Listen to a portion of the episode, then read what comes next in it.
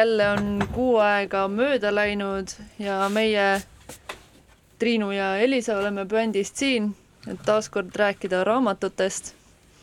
natukene loeme ette ja siis räägime veidratest inimestest, kes koguvad raamatuid. Elisa, äkki soovid alustada? ja ma võin alustada. tere ka minu poolt meil on siin äh, igasugu toredaid eestikeelseid raamatuid äh, viimasel ajal välja tulnud. täna räägime neist kahest ja ma alustan siis äh, Maarja Kangro Minu auhinnad.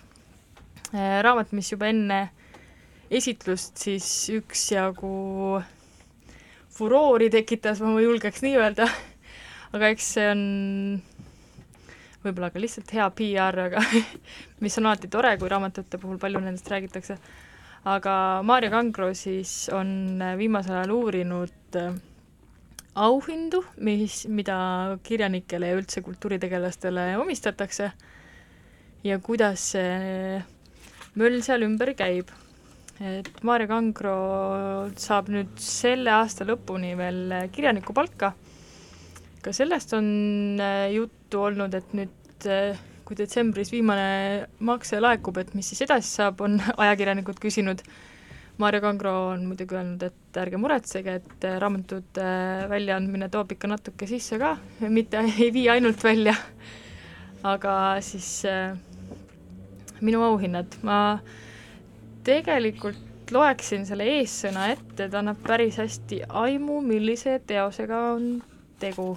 tean, mis ta on mõned minutid kindlasti lugemist, mis sa arvad, Triinu? jaa, lase käia. nii, eessõna number üks. šampanja, aplaus, lilled, kaamerad. inimene on saanud auhinna. võib-olla usub ta ise ka, et on kõva. eksperdid on selle kohta allkirja andnud. karikas kinnitab, et sellel, mis ta teeb, on tähendust. aeg on korraks aukirjaga peatatud. kui talt küsitakse, ütleb ta võib-olla mu kolleegid oleksid seda vähemalt sama palju väärt. me ju eeldame, et tegu on kultuuriväljal kenasti küpsenud inimesega, kes teab, mis mängu tuleb mängida, milliseid žeste teha. reegleid võib rikkuda, aga peab tunnetama. kui ta ütleks, mu teos ongi kõige kõvem, võetakse ta tõenäoliselt riskantse nalja või rollimänguna, aga võib-olla ka meeltesegadusena see on ju lausa aktsioom, et loomingulisi saavutusi on meelevaldne paremusjärjestusse seada. muidu ei saaks kunst olla kunst. praktikas oleme võib-olla kogenud, et konkreetsete teoste järjestamine ei pruugi alati olla raske. A on selgelt jõulisem ja värskem kui B ja pole küsimustki, et B on siiski meisterlikum kui C. aga kunst, eh, sulgudes kirjandus, muusika ja nii edasi, saab olema ainult tänu dimensioonile, kus puuduvad igasugused vaidlustamatud hindamissüsteemid. muidu oleks ta lihtsalt miski muu. kui peaksime iga kord hüppe pikkust mõõtma, kaoks ära kunsti hinnaline vabadus. me ju teaksime juba ette, mida me ootame. uudsuse ja ootamatuse potentsiaal kärbuks, kuigi ei saa öelda, et uudsus poleks hiljem mõõdetav. põhimõtteliselt on kombeks ikkagi eeldada, et inimene ei väljenda end loominguliselt mitte labase eesmärgiga olla teistest parem või koguda rohkem tunnustust. isegi kui me arvestame ambitsioone, mõjuängi, see tähendab püüdu olla eelkäijatest kõvem, iseseisev, kui Harold Bloomi mõistet pruukida, oidipaalsust ja muid selliseid asju. eeldatakse, et tõsine inimene ei tungi traagilistesse sügavustesse ega loo keerulisi tähendusvõrgustikke selleks, et aplausi saada ta loob, sest tahab maailma enese ümber mõtestada. Ehm, rõhuasetus sellel lausel oleks võinud natuke teistmoodi, ta loob, sest tahab maailma enese ümber mõtestada. püüab aru saada, mis toimub, tahab järele katsuda, mida saab sõnadega teha, tahab oma kogemust jagada, mängida, kaifi saada ja nii edasi. isegi kui tegu on käsikirjavõistlusega, kuhu autor peab oma loomingulise saavutuse ise saatma on õilis eeldada, et teose ajendiks oli miski muu kui soov hindajate eelistusi aimates esile tõusta. tõsine looja ei jälgi neid eelistusi, ei jälgi skoori. oh ei, ta sülitab konjunktuurile, kui öelda viisakalt. tunnustusest tuleb end lahti tõugata, mitte end vääritult tema poole koolutada. kes ei riski, see mandub. käigu kõik perse, kui autori hoiak, hoiak ei sisalda sellist potentsiaali, ei tule tema loomingust midagi head.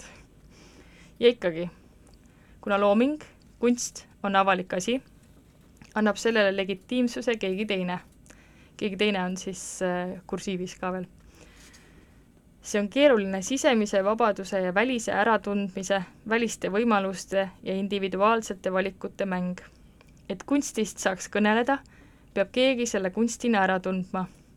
juba küsimus, kas see on kunst, tähendab seda äratundmist. Aga siit edasi on kohe kõne all see, kuhu konkreetne loominguline tükk paigutada, millega teda suhestada ja võrrelda. kui me räägime loomingust, on kohe küsimus ka selle hindamises karikas on nagu tahkunud hinnang. karikas legi-, legitimeerib, karikas on teised, mis sest, et need kõik teised võivad alati eksida, ebaausatel kaalutlustel tegutseda. teise instantsi ei purusta. just seetõttu, et püsivaid, usaldusväärseid mõõtühikuid pole, on neil karikatel nii suur tähendus. auhinnad metallist, klaasist, papist õied kerkivad vaimusügavuste ja kõrguste kohale nagu sümptomid, mis tahavad justkui öelda, et meie kolleegi traagika on üldistusjõulisem kui meie endi oma. või et parajasti on see hetk, kus ühiskondlik moraalset panoraamteost tuleb väärtustada rohkem kui detailiteravat subjektiivset ülbust. et tehniline meisterlikkus, vormimäng tähendab praegu vähem kui suurejooneline sotsiaalne visioon või rohkem. või on meie kolleeg teenekam ja ta on juba niigi kaua oma preemiat oodanud või on ta uus hääl ja žüriil on nüüd hea võimalus üllatada ma loen lõpuni selle esimese osa loe siis, kui juba lugemiseks läks. jah. Inglise-Ameerika luuletaja V.H. Auden arvas omal ajal, et ehkki ükski luuletaja või romaanikirjanik ei soovi olla ainus kirjanik, kes on kunagi elanud, soovib enamik neist olla ainus praegu elus olevates Äh, soovib enamik neist olla ainus praegu elus olevatest. päris mitmed uskuvad pealegi siiralt, et nende soov ongi täitunud. ma ei usu, et kolleegid nii suurejooneliselt kiivaid soove hellitaksid, aga on võimalik, et kui keegi loojale ütleb aitäh, et sa seda kirjutasid, kõlab see tema kõrvadele nagu aitäh, et oled olemas, sest muidu oleksid meil ainult sinu keskpärased kolleegid. Ühtlasi nii kimbut-, kimbatust tekitav kui ka endastmõistetav on see, et loovmaailmad ongi suu-, suunatud individuaalsele ja meritokraatlikule vahetegemisele. ka see maailm toimib suures osas järkude eristumisena, hierarhilisena, kuigi ainult niisugusena toimides kaotaks ta oma sisu. kui poliitiliselt on ühe või teise grupi tunnustamine või sul- äh,, jutumärkides väärikus üha määravam argument, siis tunnustus, mida vajab looja, tähendab pigem ebavõrdsustamist, üksikute esiletõstmist, mitte egalitaarsuse suurendamist.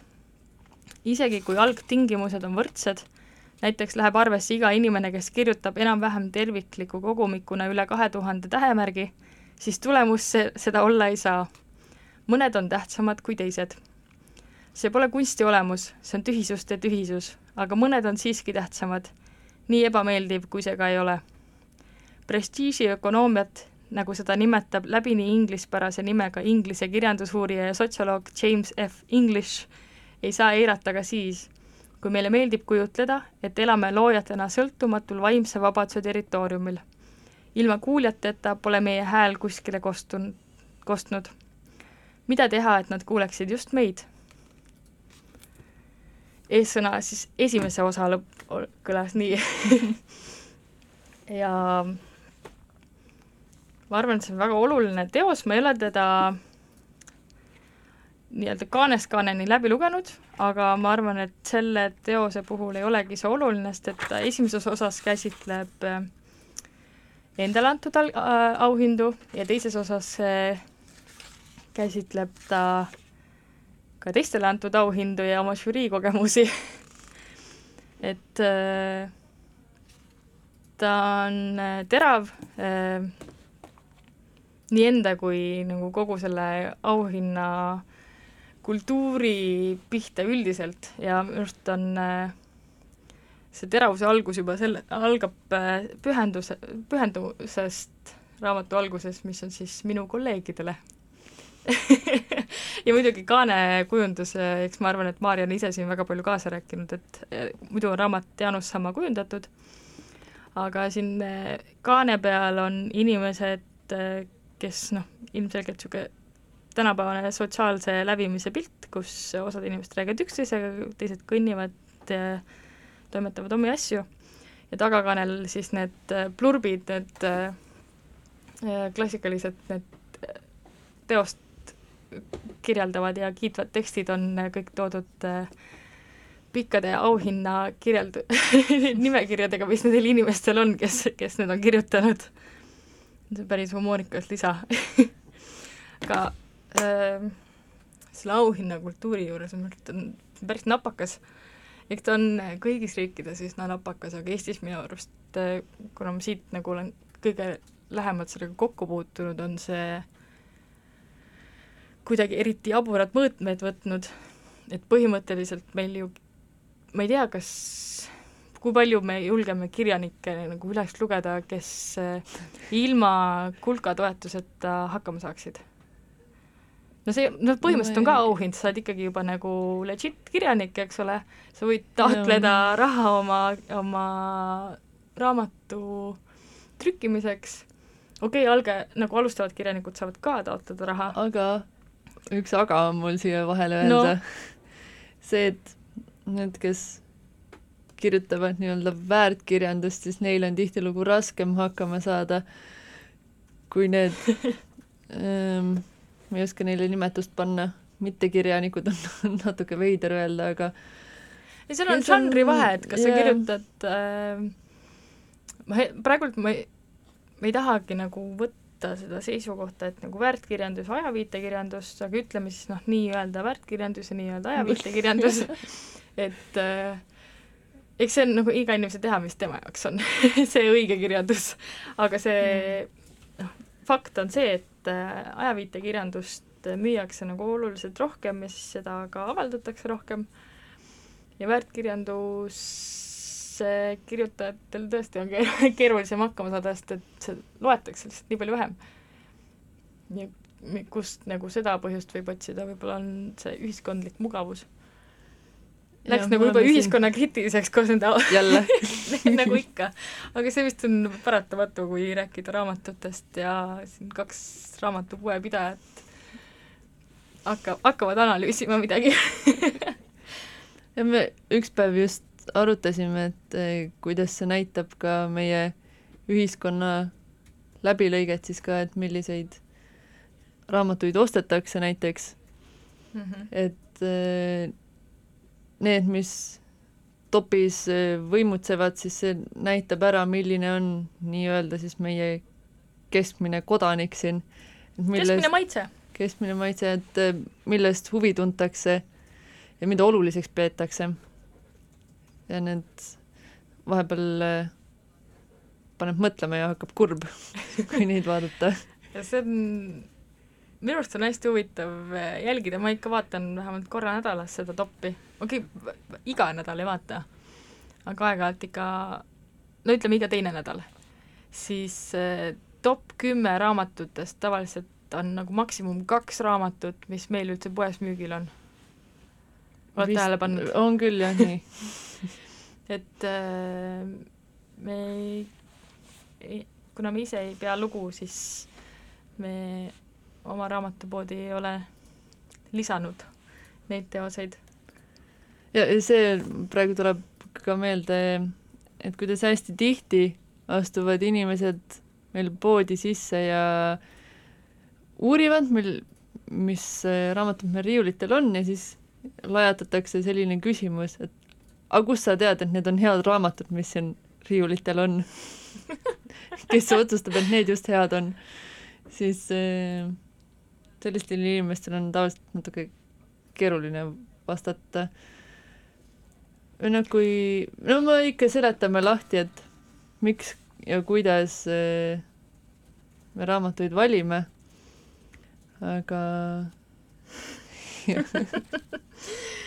see on huvitav jaa, kusjuures ma jäin nagu hiljuti, noh, ma olen üldse väga kriitiliseks muutunud erinevate nähtuste suhtes.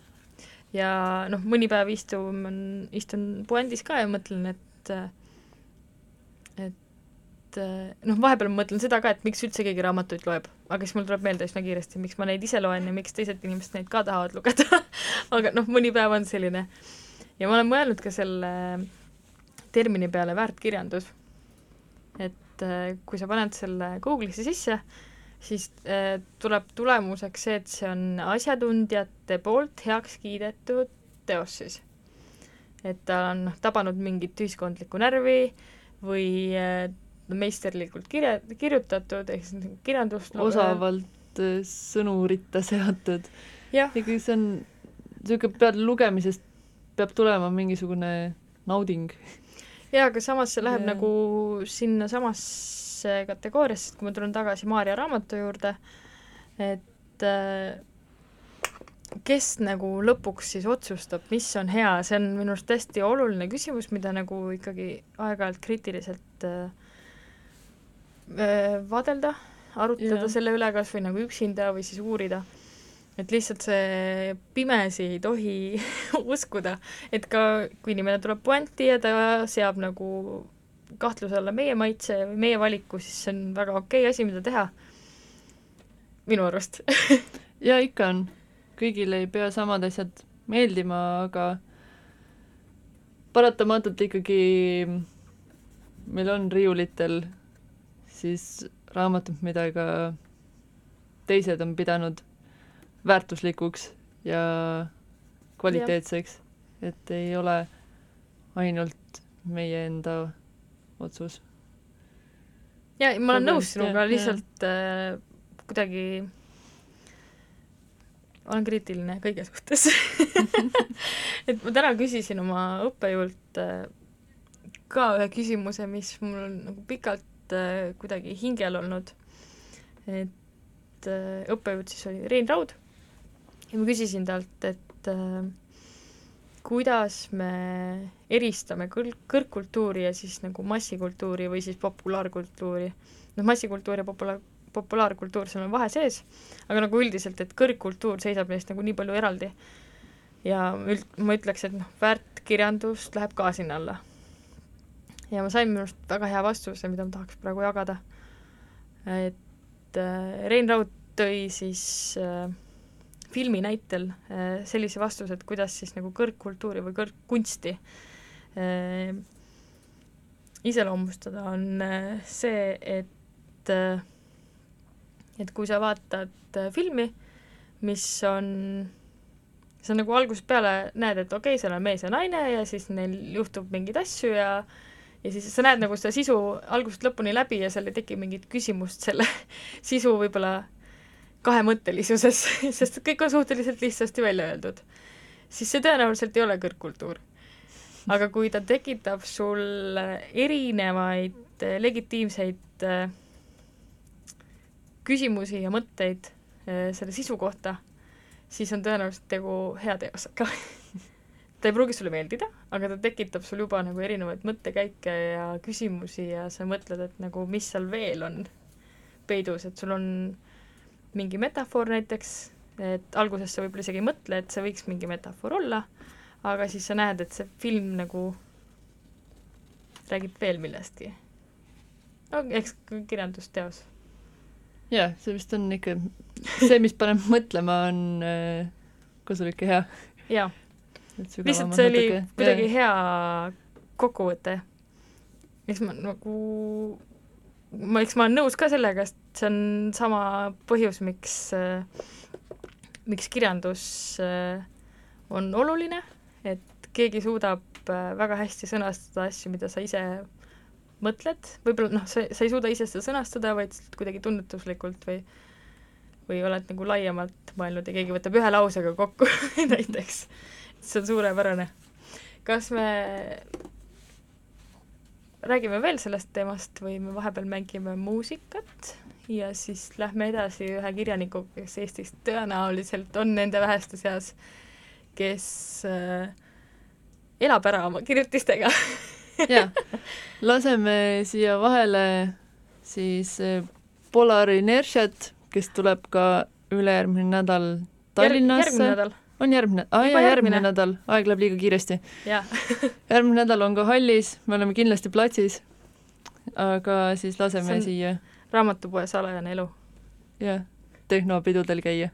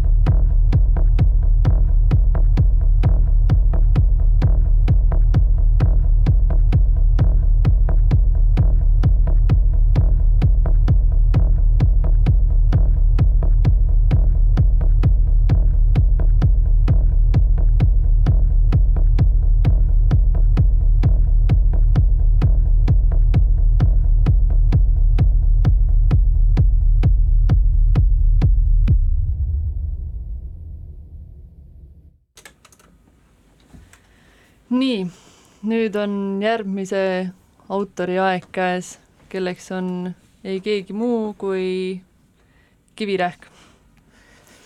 ja tema uus raamat, millest kõneleb vana taksojuht kuupaistel, on siis jutukogu, kus on kaksteist eh, novelli ja monoloogi, mis on ka mm, osad neist on eelnevalt avaldatud ka Loomingus, osad on uued, aga noh, neid võib vist alati e, uuesti ja jälle lugeda.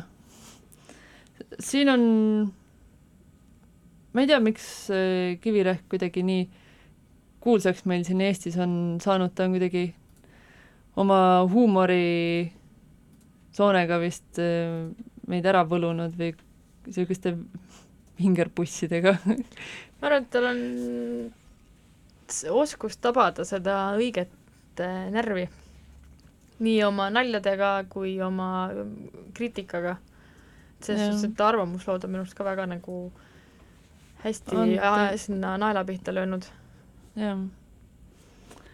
aga ma siis loen siit ette väikese katkenud, tervet juttu ma ei äh, jõua lugeda, sest see on päris pikk, aga siis jääb midagi ühe, ühe alguse äh,, panen siit teele, et siis natukene aimu saada, mis stiilis tal see uus kogumik on.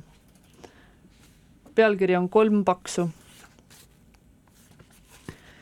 see on neetult kummaline lugu ja kuradi jube siiamaani lööb vahel värina sisse, kui ma neid pakse meenutan. tegelikult on see lausa ime, et ma eluga pääsesin. uskumatu, mis maailmas sünnib. Milliseid värdjaid meie keskel elab, täiesti haigeid inimesi. mina olen näitleja, aga üheski teatris ma ei tööta. olen vabakutseline. kaks aastat käisin lavakas, siis visati mind välja. see mind suuremalt ei loksutanud, seal oligi tegelikult üsna nõme seltskond koos ja ega siis näitlejaks ei õpita, näitlejaks sünnitakse. vanasti ei käinud ükski näitleja koolis. ega ma nendesse suurtesse riiklikesse teatritesse ei kippunudki. Mulle meeldib olla vaba mees, mitte mängida käsukorvas äh, kolmandat sõdurit mingis kuradi klassikas. hakkasin tegema stand-up'iga. kirjutasin endale ise teksti inglise keeles, et saaks oma kavaga Eestist välja ka. siinne turg on ju peaaegu olematu. aga eriti hästi ei läinud publikut käis vähe ja keegi suurt ei naerdnud. eks eestlaste inglise keele oskus on, nagu ta on. Nooremad muidugi räägivad, aga vanemad ei saa tegelikult peenematest nüanssidest sittagi aru. aga huumor on ju nüan-, aga huumor ju nüanssides peitubki. no ma siis proovisin eesti keeles, tulin nii-öelda rahvale vastu. aga ei läinud paremaks ühti. publikut oli veel vähem eks huumorimeelega ongi nii, et seda kas on või seda pole ja tundub küll, et ega eestlastel see naljasoolikas kuigi pikk ei ole. Tõmbasin stand-up'i projektile kriipsu peale, mis mõtet on kurtidele kõrvadele aariaid laulda. mõtlesin, mida edasi teha. aga siis juhuslikult avastasin kullasoone. jõin kõrtsis õlut, kui minu lauast läks mööda üks purjus soomlane, vaatas mind ja hõikas. hei, sina oled ju Harry Potter! teised soomlased naersid ma ei osanud sellest purjus plämast esialgu midagi arvata, aga siis veidi aja pärast läksin peldikusse ja vaatasin kusemise ajal ennast peeglist. ja kurat, ma olingi Harry Potteri sarnane. olin just ostnud endale uued ümmargused prillid ja nendega võis mind Potteriks pidada küll. ainult habe oli vaja ära ajada ja loobale noolekujuline arm joonistada. siis oli illusioon täielik kirjutasin endale kohe paraja pikkusega teksti ja hakkasin käima lasteaedades, koolides ja kõiksugustel lasteüritustel Potterit mängimas. Ja menu oli metsik. tellimusi sadas sellisel hulgal, et tekkis pooleaastane järjekord. sõitsin terve Eesti risti ja põiki läbi. ja lastega on ju see hea asi, et neid kuradeid sünnib kogu aeg juurde. käid näiteks mingis lasteaias esinemas, aga paari aasta pärast on seal juba uued lapsed ja sa võid uuesti minna täiskasvanutega sellist värki pole. kui sa kord ühes kultuurimajas oled esinenud, siis kulub tohutu hulk aastaid, enne kui kogu see publik surnud on ja uued asemele tulevad. aga tited vahetuvad pidevalt see oli siis üks väike jupp, väga huvitav, ma tahaks teada, mis sealt edasi saab. eks ole kas sa loeksid edasi? ja ma pärast loen hmm.. ja see on, algas nagu ootamatult, noh, nii kibestunult, et ma ootasin, et see, ma ei, ma ei näinud, kuhu see läheb. aga tal on vist alati sihuke väga äh, känulised jutud, et need hüppavad ühest kohast teise, on ju, on niisugused ootamatusi täis Mm -hmm. ja võib nii öelda küll, jah. ei ole ammu Kivirähku lugenud, ma pean tunnistama.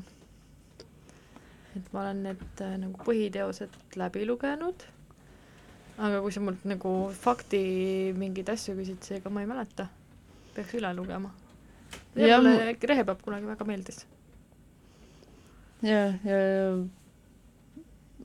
vist lastele on ka tulnud temalt päris mitu raamatut ja mis tuletabki meelde, ma viimati lugesingi Kakat ja kevadet. Jah ja see on millegipärast ka väga populaarne mitte ainult eestlaste seas, vaid seda on tõlgitud ka ju Vene keelde? ja kas inglise keelde, ei, soome, seal igast erinevates keeltes on seda teda avaldatud on ka ja ilmunud jah, ta on see provokatiivse pealkirjaga ja siis Mhm. tekib nagu küsimus, et mis värk on. sest äh, kas see oli kevadel või oli talvel, käis meil, kui me Pärnu maanteel olime, siis käis poes äh, ühe nädala jooksul nagu päris palju vene turiste, kes küsisid seda konkreetset raamatut vene keeles, et nad on kuulnud, et selline raamat on, kas meil on. käisid just seda Mhm. otsimas ja miski muu neid ei huvitanud aga samas see Kivirahu Sirli Siimann saladused oli mu lemmikraamat lapsena, üks lemmikutest. see on tore. mina, ma olen sellest põlvkonnast, ma Lotte põlvkonnast veel ei ole. sa, sa samamoodi ju. jah, ma ka neid uuema aja asjadega ei ole nii kursis, lasteraamatute poole pealt. Mhm. jah, aga praegu vist hetkel raamatutest rohkem ei räägi, aga hakkame, võtame uueks teemaks endale vist siis raamatute kogumise. jaa. kas, kas sa alustad, meil oli see teema mõte eelmine kord ka, kui me rääkisime keelatud raamatutest, siis meil kuidagi päev enne saadet läksime põlema sellest teemat, et teeks keelatud raamatutest, siis võib-olla natukene selle ajanappuse tõttu jäi laberdama kergelt, aga siis meie üks mõte sinna juurde tegelikult oli rääkida ka kollektsioneerimisest. jah. aga siis äh, ma siin natuke räägin, mida on psühholoog Voldemar Kolga arvanud üldse kollektsioneerimisest ja kust see tuleb, miks me seda teeme. ta arvab siis, et äh, see on hea näide siis nii-öelda inimolemuse sügavusest ja keerukusest, et äh, inimesed koguvad nii palju asju, nii erinevaid asju, et äh, neid ei jõua vist kokku lugedagi.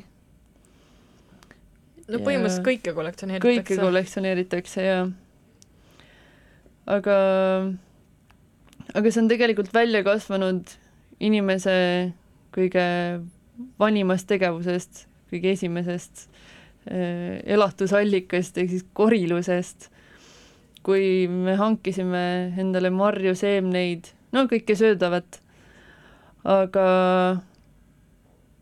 aga siis me kuidagi oleme arenenud ja meil ei ole vaja enam otseselt äh, metsast käia endale toitu hankimas, aga see äh, kogumise äh, vajadus on jäänud meisse ikkagi alles, et see ei ole evolutsiooni käigus kuhugile kadunud.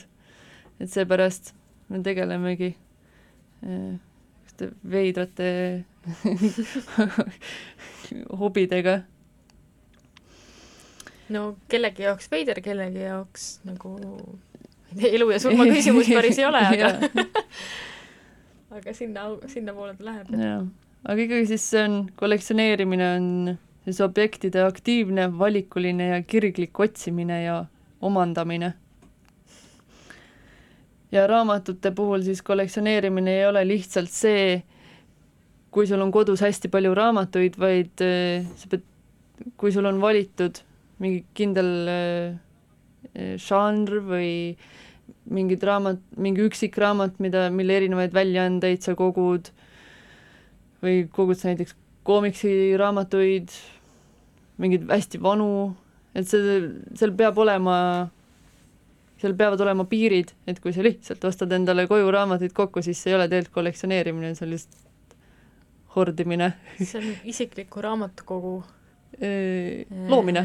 jah, täpselt hea sõna sa vaatasid, kuidas see, me ei suutnud alguses välja mõelda, mida hordimise asemel eesti keeles öelda, mis see vaste oli, vaatasime tagavaraks järgi. koguma. tagu, tagavaraks koguma, jah. ma arvan, et see on selle äh, nagu näriliste ja loomade põhjal tehtud, nagu oravad yeah. tagavaruks hordivad pähkleid ja muud. nii aga mis äh, sa, sa uurisid neid erinevaid raamatuid, mida näiteks äh, kollektsioneeritakse? Need, tõid mulle enne mingeid huvitavaid näiteid, mingit first edition'it ja aa ah, jaa, ma äh, lihtsalt vaatasin äh, kui palju on väärt mingite raamatute esimesed äh, trükid mis, äh, ma praegu summasid täpselt peast ei mäleta, aga kui kellelgi on kodus Harry Potteri esimene trükk, siis te olete väga rikkad. Eeldusel, et tahate selle maha müüa. Tõenäoliselt mitte, sest et umbes aasta pärast on see veel, veel väärtuslikum aga nüüd läks, mõte läks kaotsi korraks. kas sa kollektsioneerid midagi? ma ei kollektsioneeri enda teada, võib-olla mul on kogunenud midagi, aga ai äkki sul on märkmikud ja pastakad jah, see probleem on. tegelikult ma päris pikka aega mm,, hetkel ma enam sellega ei tegele, aga kunagi kogusin plastikkaarte, siis kui veel olid eh, need telefoniautomaadid teemas, kuhu sa panid eh, selle kaardi sisse ja said helistada, siis ma kogusin kõikide sõprade-tuttavate käest neid kokku, inimeste vanu pangakaarte, krediitkaarte, mingid Haigekassa kaardid olid, siis mul oli neid päris suur karbitäis, on siiamaani alles. ma just tahtsingi küsida, mis sa teinud oled nendega, aga sain need vastuse. on alles, jah hmm.. huvitav, mõtlen, et mis vanuses see oli või nagu mis see... mis eesmärgiga sa neid kogusid või sellel ei olnud vaja eesmärki, samas vist kollektsioneerimisel otseselt äh, seal kohati ei ole ju ratsionaalset selgitust. mul, ma ei ole teadvustanud endale küll, et mul oleks olnud mingi kindlat tagamõtet sellel, ma lihtsalt mingil arusaamatul põhjusel tegin seda. ma arvan, et see oli kuskil enne kooli ja algkoolis ja võib-olla läks natukene edasi ka sealt põhikooli enne algkooli, siis põhikoolis on päris suur vahe ei no see oli pikk vahemik ikka mm. -hmm. jah, aga ma tean, et sina kogud ka. jaa, mul on äh, väike kogu Alice imedemaal raamatuid, erinevaid, erinevates keeltes ja erinevate illustraatorite omasid. aga mul kuidagi see, ma nagu ei osta kokku iga Alice imedemaal väljaannet, mida ma näen, vaid äh, kuna see, noh, see lugu on enamasti sama, äh, nüüd näiteks eesti keeles on aeg-ajalt ju uuendatakse seda tõlget, vaadatakse üle, et selles suhtes toimetustöö on erinev ja ka erinevatel kirjastustel ju erinevate tõlkijatega tehtud äh, lepingud. Et siis see kohati varieerub, aga ma vaatan illustratsioonide põhjal ka, sest see on nagu ideaalne raamat, mida see mida koos äh, saatute piltidega äh, lugeda, vaadata. viimane lisandus oli väga lahe äpardus ühel, äh, ühel kirjastusel või siis noh, tegelikult oli trükikoja äpardus, et ma sain Alice imedemaal raamatu, mis hakkab äh, tagakaanest ja tagurpidi et see on nagu väga lahe mingisugune nagu lisandus kollektsiooni, mida kuskilt poest ei osta väga.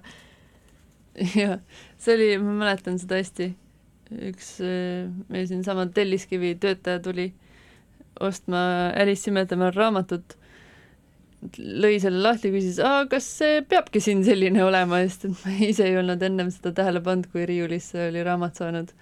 samas selle aga, raamatuga aga, ma kuidagi isegi ei imestaks, oleks jah. lahe lüke teha ja. seda tagurpidi ja mul on äh, Kusama illustratsioonidega Alice Simedemaal ka, mis on super lahe. Äh, ma tean, et äh, Dali illustratsioonidega Alice Simedemaal on olemas, seda tõenäoliselt nüüd nii lihtsasti ja nii odavalt kätte ei saa, aga liigub vahel harva. ja Tove Jansson on illustreerinud Alice Simedemaal raamatut. ma arvan, et see on üks popim raamat, mida kõik kunstnikud salaja vist soovivad illustreerida. see annab nii palju võimalusi. selles osas on see super. et äh, jaa, mul tegelikult on üks asi veel, mida ma vist natukene kogun nii? mul ei ole see kogu ka väga suur, et ma olen väga valikuliselt seda teinud, mul on äh, ägedad mängukaardid sellest ei olnud teadlik, teadlik ma. Mul on, see sai alguse tegelikult vist Krõõt Kukkuri mängukaartidest. Tal, ta on illustreerinud ma ütlen kolm ja pool pakki, sest et üks on tema enda tuttavate ja noh, sõprade-tuttavate nägudega, aga siis ta tegi sellest samasuguse, samade piltidega, aga värvilisema väljaande, mul on see esimene, ja siis mul on tema paljaste inimestega mängukaardid ja siis mul on tema loomadega mängukaardid ja need äh, Space Invaderi omad, mis me sinuga koos Pariisis kunagi ostsime, mäletad? mäletan, mul on ka need. Ja siis mul on mõned veel, et mul nüüd, äh, kui ma kuskil näen lahedaid mängukaarte, siis mul äh, käsi nagu tõuseb endiselt ostma. No oleneb hinnast ka, et ma olen päris hulluks ole läinud sellega.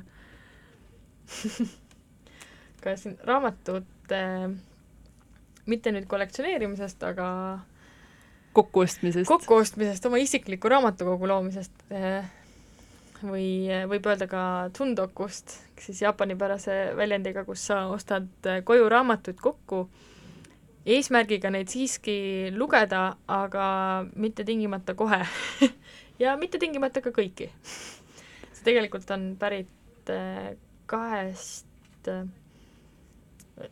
pärit nagu, see väljend on kujunenud alguses äh, elementidest tsundeoku, mis tähendab siis äh, asju kuhjama ja siis sinna jätma ja tokusho, mis tähendab äh, raamatuid lugema. aga hiljem on sellest saanud äh, kaks äh, karakterit, mis tähendab äh, pile up nagu kuhjama ja raamatud lihtsalt, mis mitte enam siis raamatute lugemine, et see on jaapani keeles erinev, erinev sõna. ja no selles ma olen süüdi kindlasti. Aga mul ei ole häbi ka, sest just eile käisin oma, mul on kodus raamatutuba käisin äh, raamatutoas midagi otsimas, äh, seal on päris palju nagu vanu sõpru ja siis on samas uusi sõpru, kellega ma veel ei ole tutvust teinud nii-öelda kes ootavad mind rahulikult seal riiulil aga mul on süsteem ja ma nagu täpselt, ma tean, mis mul seal enamasti on paari raamatut on kogemata mitu ka aga kuidagi see, see lootustandev pilt, kui sa lähed, vaatad oma riiulit ja sa näed, et sul on veel nii palju asju lugeda. mul ei tekita see ängistust. mul vahepeal tekitab tihti see vist äh, inimestel tekitab ängistust ka, et tahaks nii palju lugeda, aga ja siis kõik need põhjused, miks ei saa. aga kas sa jätad raamatuid pooleli ka, kui sa lugema hakkad neid? jätan küll, jaa. Ma õppisin selle ära mingil hetkel, kui sain aru, et mu aeg on väärtuslik ja kui mu mis iganes lehekülgede arvu peale ei tekkinud seda tunnet, et jah, mul on vaja see lõpuni kindlasti lugeda siis ma panin selle kõrvale, et võib-olla sellel tuleb mingi oma aeg et praegu ju siis ei ole õige hetk. mi-, alguses jah, ma ikka punnitasin kõik raamatud lõpuni lugeda, aga praegu seda ei ole. kui ei meeldi, siis panen kinni ja võtan järgmise. ja mul on sama, aga see ka ei ole alati olnud nii. mul on ja. mingisugune dramaatiline kogemus lapsepõlvest, kus mulle üldiselt ei meeldi lugeda asju, mis on kohustuslikud ja täiesti nii halb kogemus Karupoeg-Puhhi lugemisest, minu arust see oli kohutavalt igav raamat, kui ma seda pidin lugema. lihtsalt ei läinud kuhugi ja siis need loomad hängisid seal see oli minu mingi emotsioon sellest raamatust ma ei ole teda üle lugenud, sest äh, no ma ei taha aga ma lugesin seda Tao Pu nagu mm -hmm. siis äh, Puhhi põhjal taoismi näited. see oli ka natuke igav mulle selle puhkiga ei lähe hästi näiteks.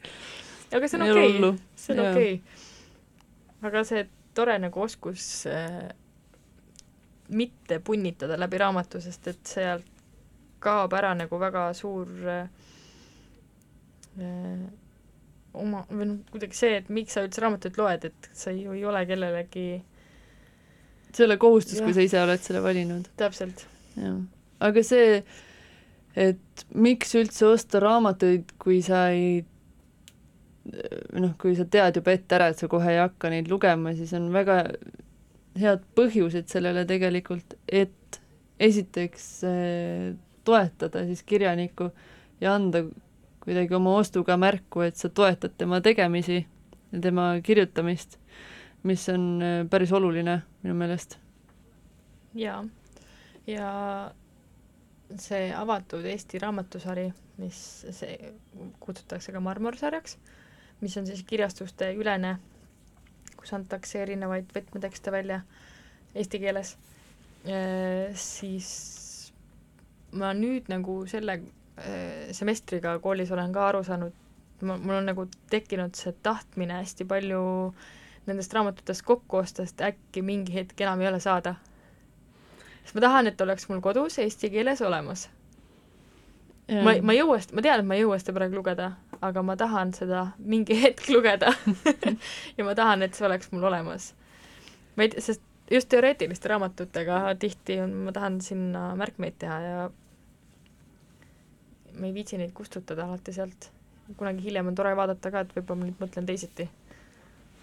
jah, seda on küll, kui vaadata osad inimesed muidugi vihkavad äh, raamatutesse äh, nii-öelda sodimist või allakriipsutamist, aga mina teen seda ja hästi huvitav on tagantjärgi vaadata, kuidas äh, mingid suhtumised ja mõtted muutuvad ajas mm, -hmm. mis kunagi tundus ülioluline lõik, lause, mis iganes, siis praegu on see no okei okay. jaa.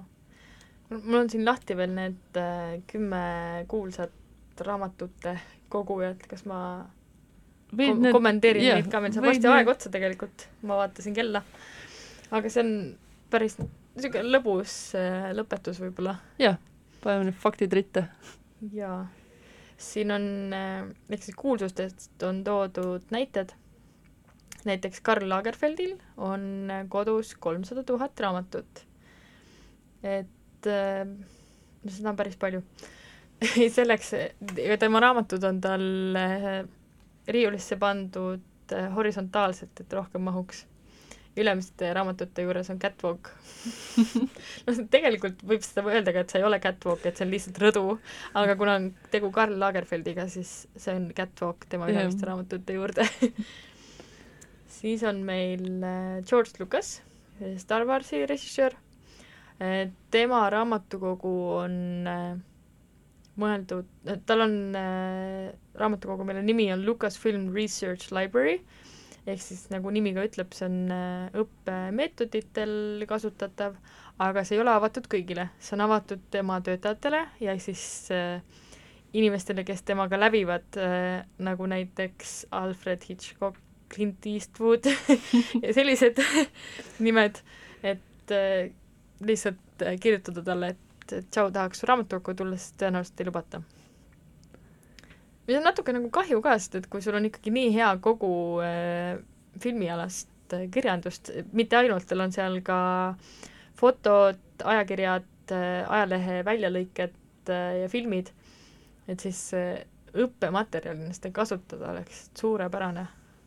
aga ma arvan, et see eh, küll ta kunagi sinna jõuab ma kahtlustan, et George Lucas on praegu seitsekümmend neli, üsna eh, mees oma parimates aastates. Et äh, ma ei kujuta ette, kuidas, issand, ma ei taha öelda mingeid halbu endeid. Ma lõpetan sellega siin, ma lähen järgmise inimese juurde. Jay Walker kellel on kakskümmend tuhat raamatut. aga hästi mõnusalt on siin selles artiklis välja toodud, et Jay Walker on tõenäoliselt kuulus inimene siis, kui sa oled nahik. ehk siis nagu nerd, kes ma ka kahtlemata olen. aga aga ta on tegelikult ettevõtja, kes äh, lõi Priceline.com'i, ehk siis see on nagu booking või hostel world, selline koht, kus ja. sa saad bronnida erinevaid asju. aga tal on äh, jah, äh, väga hea isiklik raamatukogu ja ta kutsub seda The Library of The History of Human Imagination, mis on ilus. ja see on äh, läbi mitme korruse klaas äh, selle, mis selle asja nimi on, klaassillaga ja tõesti nagu niisugune maagiline näeb välja. siis on Michael Jackson, kellel oli kümme tuhat pluss raamatut ja tema kohta on öeldud ka, et ta oli kindlasti väga nagu äh, hästi kuidas see eesti keeles on, well read? palju lugenud. palju lugenud. ta oli palju just lugenud inimene, et ta tihti istus kuskil oma raamatukogus ja luges ja need raamatud, mis tal parasjagu pooleli olid, need olid tema märkmetega täiendatud. siis on Hemingway, see ei ole üllatuslik ma arvan temal oli üheksa tuhat pluss raamatut ja tavaliselt ta rändas vähemalt kaheksasaja raamatuga, kui ta nagu kuhugi kolis siis tal oli kaheksasada raamatut vähemalt kaasas ja siis ta täiendas nagu koha peal edasi. aga tal olid need nagu põhikogu oli siis kuskil kaas-, ootel mm. -hmm. siis on William Randolph Hearst, äh, kes oli siis äh, ühe äh, olulise mm, oluline tegelane pressimeedias, temal oli seitse tuhat pluss raamatut ja tal oli üks tuba, mis oli siis äh, tema lossis mis oli peamine raam-, raamatukogu ja siis oli tal äh, kotistiilis õpituba, kus oli ka kolm tuhat raamatut äh,. Thomas Jefferson äh,, tema raamatukogu oli peaaegu kuus tuhat viissada raamatut, aga tal on kaks korda olnud suur raamatukogu. esimene kord ta müüs selle maha äh, USA kongressile kahekümne kolme tuhande üheksasaja viiekümne dollari eest ja pärast seda hakkas uuesti raamatuid koguma äh,, see oli siis tuhat kaheksasada neliteist aastal ja tuhat kaheksasada kakskümmend üheksa müüs ta uuesti oma raamatukogu maha, et maksta ära oma võlad lihtsalt nii lahedad äh, fun fact'id selliste raamatute juures see on Nigella Lawson, kes on siis tuntud äh, äh, kokk. jah, vist on, ka, et kokaraamatuid. kirjutab kokaraamatuid. kas ta on, ma arvan, siis ta peab ise kokk olema.